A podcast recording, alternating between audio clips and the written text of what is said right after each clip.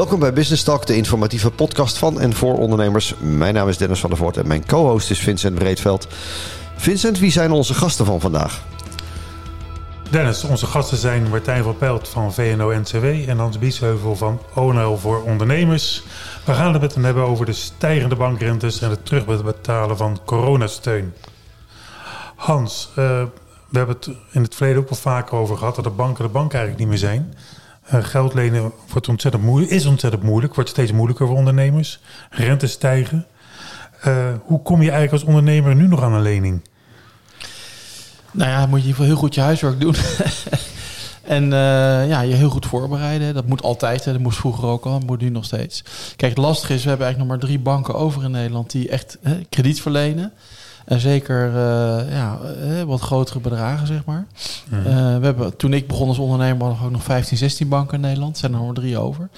En die worden allemaal natuurlijk gedwongen in hetzelfde toezichtskader van de ECB. Waardoor ze heel weinig manoeuvreerruimte hebben. Dus ja, eigenlijk is ook nog weinig keuze. Hè? Want als je nu bij alle drie die banken een offerte opvraagt, krijg je drie keer dezelfde offerte. Er zit weinig verschil meer in. Als ze je al willen bedienen, hè? want dan ben je horecabedrijf of een autobedrijf Precies. of iets moeilijks. Maar dus je hebt maar keuze uit drie. Ze lijken enorm op elkaar. Hè? Maar dat komt ook een beetje door het toezichtskader. Ja. En uh, ja, je mist gewoon de, de, menselijke maat, zeg maar. Dat vind ik zelf een groot probleem. Uh, bij die banken. Hè, zodat je als ondernemer eigenlijk ook heel moeilijk je verhaal kwijt kan. Als je wat groter bent, je hebt een financieel directeur, lukt dat allemaal wel.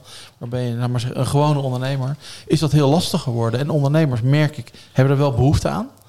Uh, om toch hun uh, plan toe, toe, te kunnen lichten. Om misschien nog even te klankborden met een bankier. Althans, zo ben ik ook altijd opgegroeid. En dat mis je op dit moment. Dus er is weinig keus. En ze lijken ook niet meer zo open te staan voor dat MKB. Uh, en dat is in deze tijd natuurlijk wel lastig. Want ondernemers staan natuurlijk wel voor grote uitdagingen. Uh, als je vooruit wil, hè, dan moet je toch investeren in digitalisering, in, nou, in verduurzaming, noem het allemaal maar op. Dus je hebt die, ja, de financiering is natuurlijk wel olie in de raderen van, van de Nederlandse economie. En die is, blijft wel heel belangrijk. Ja, het ja. wordt nog gekker, want, want dan, nou, dan ben je blij als je eindelijk die financiering hebt. Ja. En dan bereiken ons de afgelopen weken weer signalen dat die rentetarieven echt bizar verhoogd worden voor het MKB. Klopt. Dus dan heb je die lening en dan word je nog eens een keer dubbel gepakt van, uh, ja, de tarieven gaan omhoog. En hoe moet je dat allemaal weer terugverdienen? Nou ja, die tarieven gaan omhoog omdat natuurlijk ook heel veel partijen waarschuwen hè, voor faillissementsgolven. Hè. Ik hoorde zat van de week bij BNR een uitzending met een meneer van Atralis. Die zei er komt een golf van faillissementen aan. Maar dat, dat horen we al twee jaar. Ja, precies. Maar goed, dan laten die banken zich denk ik toch een klein beetje doorleiden. Uh, en je ziet tegelijkertijd dat ja, de non-bankaire financiers, de alternatieve financiers, hebben moeite om uh, nou ja, zeg maar, uh, funding te vinden. Dus die kunnen die vraag van het MKB helemaal niet aan. En ik denk dat die banken er toch een klein beetje gebruik van maken op dit moment. Want hoe doe jij dat eigenlijk, Martijn? Uh, heb jij een contactpersoon bij je bank? Iemand die je kent? Ja, ja zeker. Ik heb, een, uh, ik heb een contactpersoon. Lucky boy. Ja, dat, nou, dat, ik hoor dat wel vaker omheen. Ja. Goh, wat ben je toch uh, bevoorrecht dat je nog een contactpersoon hebt. Ja. Nee, nee, ik heb, een, ik heb een contactpersoon. Maar als ik kijk naar het aantal wisselingen in die contactpersonen in de afgelopen jaren... is het gewoon wel groot uh, geweest. Ook bij de banken. Uh, zie je wel dat, zeker ook, uh, ik zit zelf dan bij, uh, bij de Rabobank, en dat zijn toch een, van oudsher een bank die regionale wortels had. Ja, ook zij hebben natuurlijk best wel moeten schuiven en zich moeten aanpassen aan een nieuwe tijd, de regelgeving, kosten, allerlei andere zaken die spelen. Dus de banken zijn alleen maar meer op elkaar gaan lijken en het zijn er minder geworden. Dus die analyse deel ik volledig. En ik denk dat het echt wel een probleem is, want er komt echt een, flinke rats aan uh, investeringen op ondernemers af. Hè. Allerlei transitieopgaven. Daarnaast de kosten gaan omhoog, marge onder druk, ook vanwege krapte op de arbeidsmarkt. lonen die behoorlijk omhoog schieten. Dus de marges nemen af, risico's nemen toe. Nou, dat zijn over het algemeen allemaal factoren als je dat aan een contactpersoon bij de bank vertelt, dan, zie je de risicoopslag wijze van spreken er al live bij geteld worden. Dus nee, goed, het zijn, het zijn natuurlijk dingen die, waar we allemaal mee te maken hebben als ondernemers. Nee, je krijgt wel het gevoel dat, dat zeg maar, daar hebben we het natuurlijk wel eens vaker over gehad, die nutsfunctie is natuurlijk ver te zoeken. Die is er helemaal niet meer. Dat zijn gewoon commerciële bedrijven en, en die markt zit helemaal dicht. Zijn er kansen voor... voor we hebben het al vaker uh, gehoord, hè? een MKB-bank. Of, of zou het helpen als buitenlandse banken meer op de Nederlandse markt komen? Zie je daar wat in?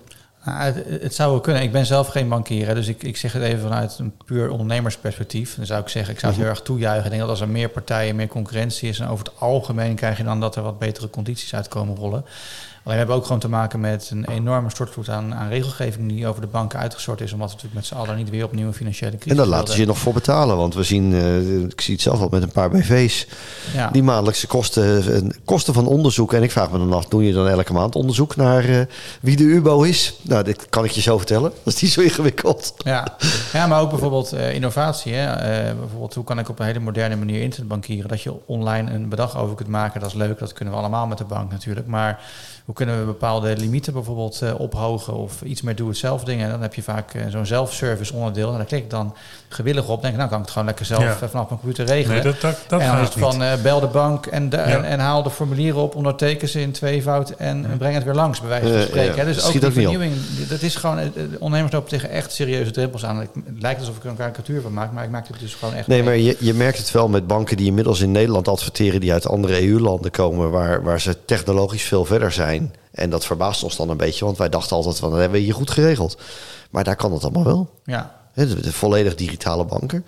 Maar, maar Hans, even uh, naar jou toe. Uh, jullie lopen allebei in het land. Martijn is meer in de regio, jij bent landelijk actief. Wat haal je op bij ondernemers? Want, nou, ja, wij, wij, bespreken het hier, dat is niks nieuws, denk ik. Nou ja, ik, ik denk dat er veel ondernemers toch die, een beetje die dat partnerschap, die relatie met die bank missen. Want het gaat niet om inderdaad een goede tool of, of die kredietverlening. Maar goed, je, ik ben ook opgegroeid en ik denk Martijn, jij ook, met dat je ook een relatie had met de, met de bank, waar je ook andere dingen kon bespreken. Hè? Um, en je merkt ondernemers die kunnen niet meer zo goed heel lang vooruitkijken. Hè? Dat, dat is gewoon nou, met alle externe schokken die we hebben gehad de afgelopen paar jaar, het is best ingewikkeld geworden. En je, je, je merkt, ze hebben een beetje houvast nodig. Hè? Nou, de bankier, de accountant, je belastingadviseur waren een beetje vertrouwde adviseurs. Nou, die zie je allemaal op steeds op afstand komen. En die bank is voor de meeste mensen gewoon een, eh, nou ja, een nummer of een, of een website geworden. En ik denk dat ze dat een beetje missen. En ja, we hebben het al eerder gehad over die hele verduurzamingsslag. Nou, je businessmodel staat vaak uh, onder druk. Hè, omdat je moet investeren voor langere termijn. Terwijl je niet zo lang vooruit kunt kijken. Ja, dan wil je het liefst een bankier die een beetje met je meedenkt. Hè, met je meeademt. En ik denk dat ondernemers daar al heel veel behoefte aan hebben. En, maar dat op dit moment missen. En als je dan zoekt naar een alternatief? Maar ja, er zijn natuurlijk heel veel non-bankaire financiers in Nederland. Hè. We hebben natuurlijk crowdfunding, we hebben credits, eh, we hebben factoring, we hebben leasen. Er zijn natuurlijk heel veel mogelijkheden. Mhm. Je moet dan wel je weg zien te vinden als ondernemer hè, in dat hele landschap. Van wat past nou bij mij? Wat nou bij de fase van ja, Daar zie je dan wel weer allerlei adviseurs, de, de credions en de financieringsschilden en dergelijke van deze wereld uh, opstaan. Maar, maar, is dat de heilige graal? Nou, kijk, waar ik heel erg voorstander ben, is van die uh, de British Business Bank. Hè. Dat is in uh, Engeland. Ik ben er een paar keer op werkbezoek gegaan. Een publiek-private instelling die niet zelf krediet uitgeeft, maar bij ondernemers helpt in de zoektocht naar de juiste financier. Maar ze ook helpt om een betere financieringsaanvraag te doen. Hè? Want wat je merkt, en dat zie ik ook bij credits bijvoorbeeld voorbij komen, dat mensen wel willen, maar het gewoon niet altijd zo goed onderbouwd hebben. Hè? En dan krijg je natuurlijk snel nee, terwijl als je het goed onderbouwt, is de kans natuurlijk groter hè, dat je die toewijzing wel gaat krijgen. Dus wat die Dutch Business Bank zou het wat mij betreft dan moeten gaan heten. Beetje in de lijn met die British Business Bank zou dan eigenlijk de plek moeten zijn, een soort marktplaats waar je je oriëntatie begint aan financiering, maar die je ook helpt de juiste vraag te stellen. Ja, en dat gaat dan ook een stap verder dan, dan de, de clubs die we net noemden, die ondernemers wel helpen met de financiering. Ja, maar hoe, hoe kom je daar? Hè? Want kijk, wij kennen die termen, maar heel veel ondernemers hebben niet elke dag met financiering te maken. Als ze die financieringsvraag hebben, hebben ze ook niet altijd de tijd om eindeloos uit te zoeken wat past bij mij. Nou, ik ben een paar keer op werkbezoek in de UK gegaan en daar merk je gewoon dat die British Business Bank heeft enorm die rol op zich genomen een soort front office hè, voor al die financiële partijen erbij. En mensen die via de British Business Bank bij zo'n financier komen, dat kan ook dus de bank zijn, mhm. komen vaak met een kwalitatief veel betere financieringsvraag en krijgen ook veel sneller toewijzing. Hè. Dus dus daar, daar, liggen gewoon kansen om een soortgelijk instituut in Nederland op ja, te gaan zetten. Ik zou, ik zou heel erg zijn voor, voor meer concurrentie. Hè? Dat zou heel goed zijn. Maar ik denk dat dat een illusie is dat dat snel gaat lukken. Mhm. Want je bent al jaren bezig met een bankvergunning in Nederland. Dus ik denk dat dit een hele mooie tussenstap zou zijn. Om je ondernemers ja, iets meer hè, te helpen bij die zoektocht. Maar Martijn, toch is het gek. Hè? Want je zegt, ik ben geen bankinstelling. Dat klopt. Maar het, het, klinkt eigenlijk zo logisch. Uh, we hebben een tijd gehad dat de banken helemaal geen klanten meer wilden. Ze wilden dat betaalverkeer, dat, daar verdienen ze niet aan. Dus daar gewoon grotere tarieven werden dan gerekend. Want zij verdienden het geld van. Uh, ze kregen het geld binnen, dat konden ze dan weer uitlenen. Maar eh, ze krijgen het wel binnen, maar ze lenen het niet uit. Hè? Dat wordt steeds moeilijker. Maar wat is een verdienmodel dan eigenlijk nog voor de toekomst? Dat is natuurlijk heel gek. Wat doet een bank eigenlijk? Ja, het, staat, het, het, lijkt alsof het dan in één keer heel erg afstaat van, van de werkelijkheid en de oorspronkelijke functie van een bank. En ik kan me voorstellen dat dat gevoel dan een beetje ontstaat. Bij mij overigens voor een deel ook. Ehm, ja, gewoon meer een tip die ik dan ook voor ondernemers eigenlijk heb, is uh, zoek iemand op die uit het bankwezen komt, die ondernemer is geworden en die heel goed de weg weet binnen de bank en binnen de regelgeving. Dat zijn vaak uh, zelfstandige adviseurs of ze werken bij een, uh, bij een, bij een consultancyclub of iets dergelijks. En ga daar eens een bak koffie mee drinken, want die lui die weten echt heel goed de weg. En, ah, je ziet er ook veel. Hè? We noemen het al een aantal van die, ik denk franchise oplossingen zijn het waar inderdaad veel ex-bankiers dan maar als zelfstandig aan de slag gaan omdat ze uitgefaseerd zijn geworden bij de bank. En het is goed dat ze het doen, want het zijn wel de mannen en vrouwen met kennis. Ja, zeker. Nou ja, er is, gewoon, er is daar best wel een hoop gereorganiseerd in de financiële sector. Er zijn ook allerlei projecten om mensen van de, uh, van de bank naar bouw. Dat is zo'n project in Zuid-Holland wat, uh, wat, wat loopt om mensen een nieuwe carrièreperspectief te geven. Dus in die zin, bij de bank is het gewoon ook het aantal mensen natuurlijk ook verminderd. Ja. Uh, maar daar komen wel mensen vandaan die daar misschien jarenlang hebben rondgelopen, die goed de weg weten, die regelgeving kennen. Ja, die kunnen ondernemers over het algemeen heel goed bijstaan. Want juist die personen, Hans zei dat ook al een beetje, ja, die missen heel erg. Um, als ondernemer wil je wel, je hebt wel een idee, maar je bent als ondernemer vaak bezig met van een soort van, ja, ik wil niet zeggen een droom. Je hebt een bepaalde visie op je bedrijf. Je wil ergens naartoe. Je hebt ergens geld voor nodig. Of, of er komt een hele belangrijke opgave op je af. duurzaamheid, allerlei transities die we met elkaar in. Nee, nou ja, je bent bezig met je bedrijf. Je bent bezig met en niet bedrijf. met die knaken per se. Althans, niet, niet met die financiering. Dat is niet je business. Het is een middel. Ja. En je kan het zelf niet uit eigen zak betalen. Dus je denkt van ja, dan moet ik het ergens anders halen. Hoe kan ik het op een goede manier regelen? Maar dan moet je eigenlijk iemand hebben die daar een beetje in kunt coachen. En die de juiste vragen stelt. En die ervoor zorgt dat, dat alle vragen die een bankier normaal gesproken aan je zou stellen. Dat die eigenlijk al gesteld zijn. Dat je ze zo, bij wijze van spreken, op het formulier uh, kunt, kunt invullen. En dat je, ja, je moet daar op een of andere manier in één keer de juiste toon aanslaan en de juiste, de juiste dingen invullen. Ja, toch die businessbank voor jou, Hans. Dus, nou ja, maar ik denk dat het een goede oplossing is. En, en, en nou, minister Adriaanses heeft vorige week een brief gestuurd aan de Tweede Kamer. Ze heeft aangekondigd hè, dat ze die kant op wil nu. Hè. Dus dat is, We moeten daar gewoon met z'n allen een handje gaan helpen. Nou ja, het, het, moet wat sneller ook wat mij betreft. Hè, want intenties heeft ze nu al uitgesproken. Maar ik zou zeggen, schiet een beetje op. Want we moeten die transities wel nu gaan doen. We hebben geen jaren de tijd voor nou ja, te wachten. Het is niet alleen uh, die transities waar al die ondernemers in zitten. Een, een, mooi bruggetje naar het andere thema van vandaag. Uh, 64.000 uh, ondernemers die betalen hun coronasteun uh, niet terug. Uh, dat ga je denk ik niet zomaar financieren, maar dat is wel een groot probleem. Um, en we hadden het er al even over, die, die, die waar we het eigenlijk al vanaf COVID over hebben, uh, die wordt nu toch wel gevreesd. Hij wordt steeds genoemd, we zien hem niet komen, maar het begint er nu wel aan te komen. Um, en die 64.000 zijn ook kennelijk helemaal niet in beeld. En de Belastingdienst weet ook van niemand te vertellen hoeveel je terug moet betalen. Zijn we een beetje gek geworden met elkaar? Ja, je moet wel twee dingen uit elkaar halen. Kijk, die 64.000, dat zijn mensen die hebben belastinguitstel gehad. Hè? Dus ze wisten al dat ze moesten betalen. Ja, hè? en ja, je moet wel kunnen. Terug, die moeten gaan terugbetalen. Ik ben altijd voorstander geweest dat dat wel terugbetaald moet worden. Hè? Want dat zou oneerlijk zijn voor de 90% van de ondernemers die wel gewoon een belasting hebben betaald. Dus daar geen misverstand En we weten niet waarom ze niet kunnen. Hè? Dus, dus geen nee. waardeoordeel erop. Maar... Nee, maar goed, het is natuurlijk wel zorgelijk. Want ja, kijk, als dat allemaal mensen zijn die niet kunnen, hè, dat weten we niet, maar als niet kunnen terugbetalen, ja, dan zou die golf eens uh, eraan kunnen komen. Ik heb heel recent nog met de Belastingdienst en met de staatssecretaris gesproken. Die heeft gezegd, ja, als ondernemers zich nu bij ons melden, valt er nog steeds met ons te praten over individueel aflossingsschema. Mm Dat kan dus ook langer dan die vijf jaar zijn. Dus dat is ook echt wel de oproep die je zou doen van trek gewoon aan de bel bij de Belastingdienst. Precies, je moet je melden, je moet een gesprek aan. Uh, ik weet ook al een paar gevallen waar inderdaad wel een deel van die schuld is van is gezegd, nou die is eigenlijk oninbaar hè. Maar ga dan wel deel wat wel inbaar is, gaat het dan wel binnen die termijn terugbetalen. Mm -hmm. Dus er is nog steeds een zekere coulance om tot goede oplossingen te komen, om die faillissementen nog steeds te voorkomen. Alleen men heeft ook gezegd, ja, dat gaat deze zomer, die coulance stopt deze zomer wel. Dus als je nu de komende kwartaal niet meldt, ja, dan gaan we het oude regime weer in. Dus ik zou zeggen, iedereen die dit hoort ja, en die wel weet dat het terug moet gaan betalen, ga dan nu dat gesprek Er zijn inmiddels ook spotjes op de radio om die ondernemer ja. op te roepen om gewoon aan de bel te trekken. En dat ja. vond ik wel een verrassende ontwikkeling. Ik hoorde dat van de week ineens. Ik denk, hé, hey, dat is wel ja, bijzonder. Ik vind het toch gek hoor. Ik, ik vind het wel heel raar. Want ik bedoel, je hebt het, uh, de Belastingdienst die heeft een set aan data, daar krijgt een paardhek van. Ja. Dus die kan al die ondernemers volgen. Ja. Maar die, er zijn er 64.000 die gewoon niet reageren. Ja. Dus ja, dan kun je nog een brief sturen en nog één zeggen, nou, nog één keer. Ja. Maar wat denk je zelf wat er gebeurt? Ik bedoel, als je daar gewoon een belteam op zet of iets actiever op... op hè, en trek ze dan maar omver, sommigen. Dat moet dan maar. Nou ja, dat zal op een gegeven moment natuurlijk ook wel gaan gebeuren. Kijk, ik denk dat er ook een hele grote groep is die heeft gedacht... nou ja, hè, ik wacht het gewoon af. Misschien komt toch dat kwijtschelden nog wel een is mijn keer. tijd wel uit. Ja. Eh, bovendien, je kon twee keer een betaalpauze inroepen. Hè? Nou, Ja. heel veel mensen hebben Ja. het vorig jaar direct aan het begin al gedaan.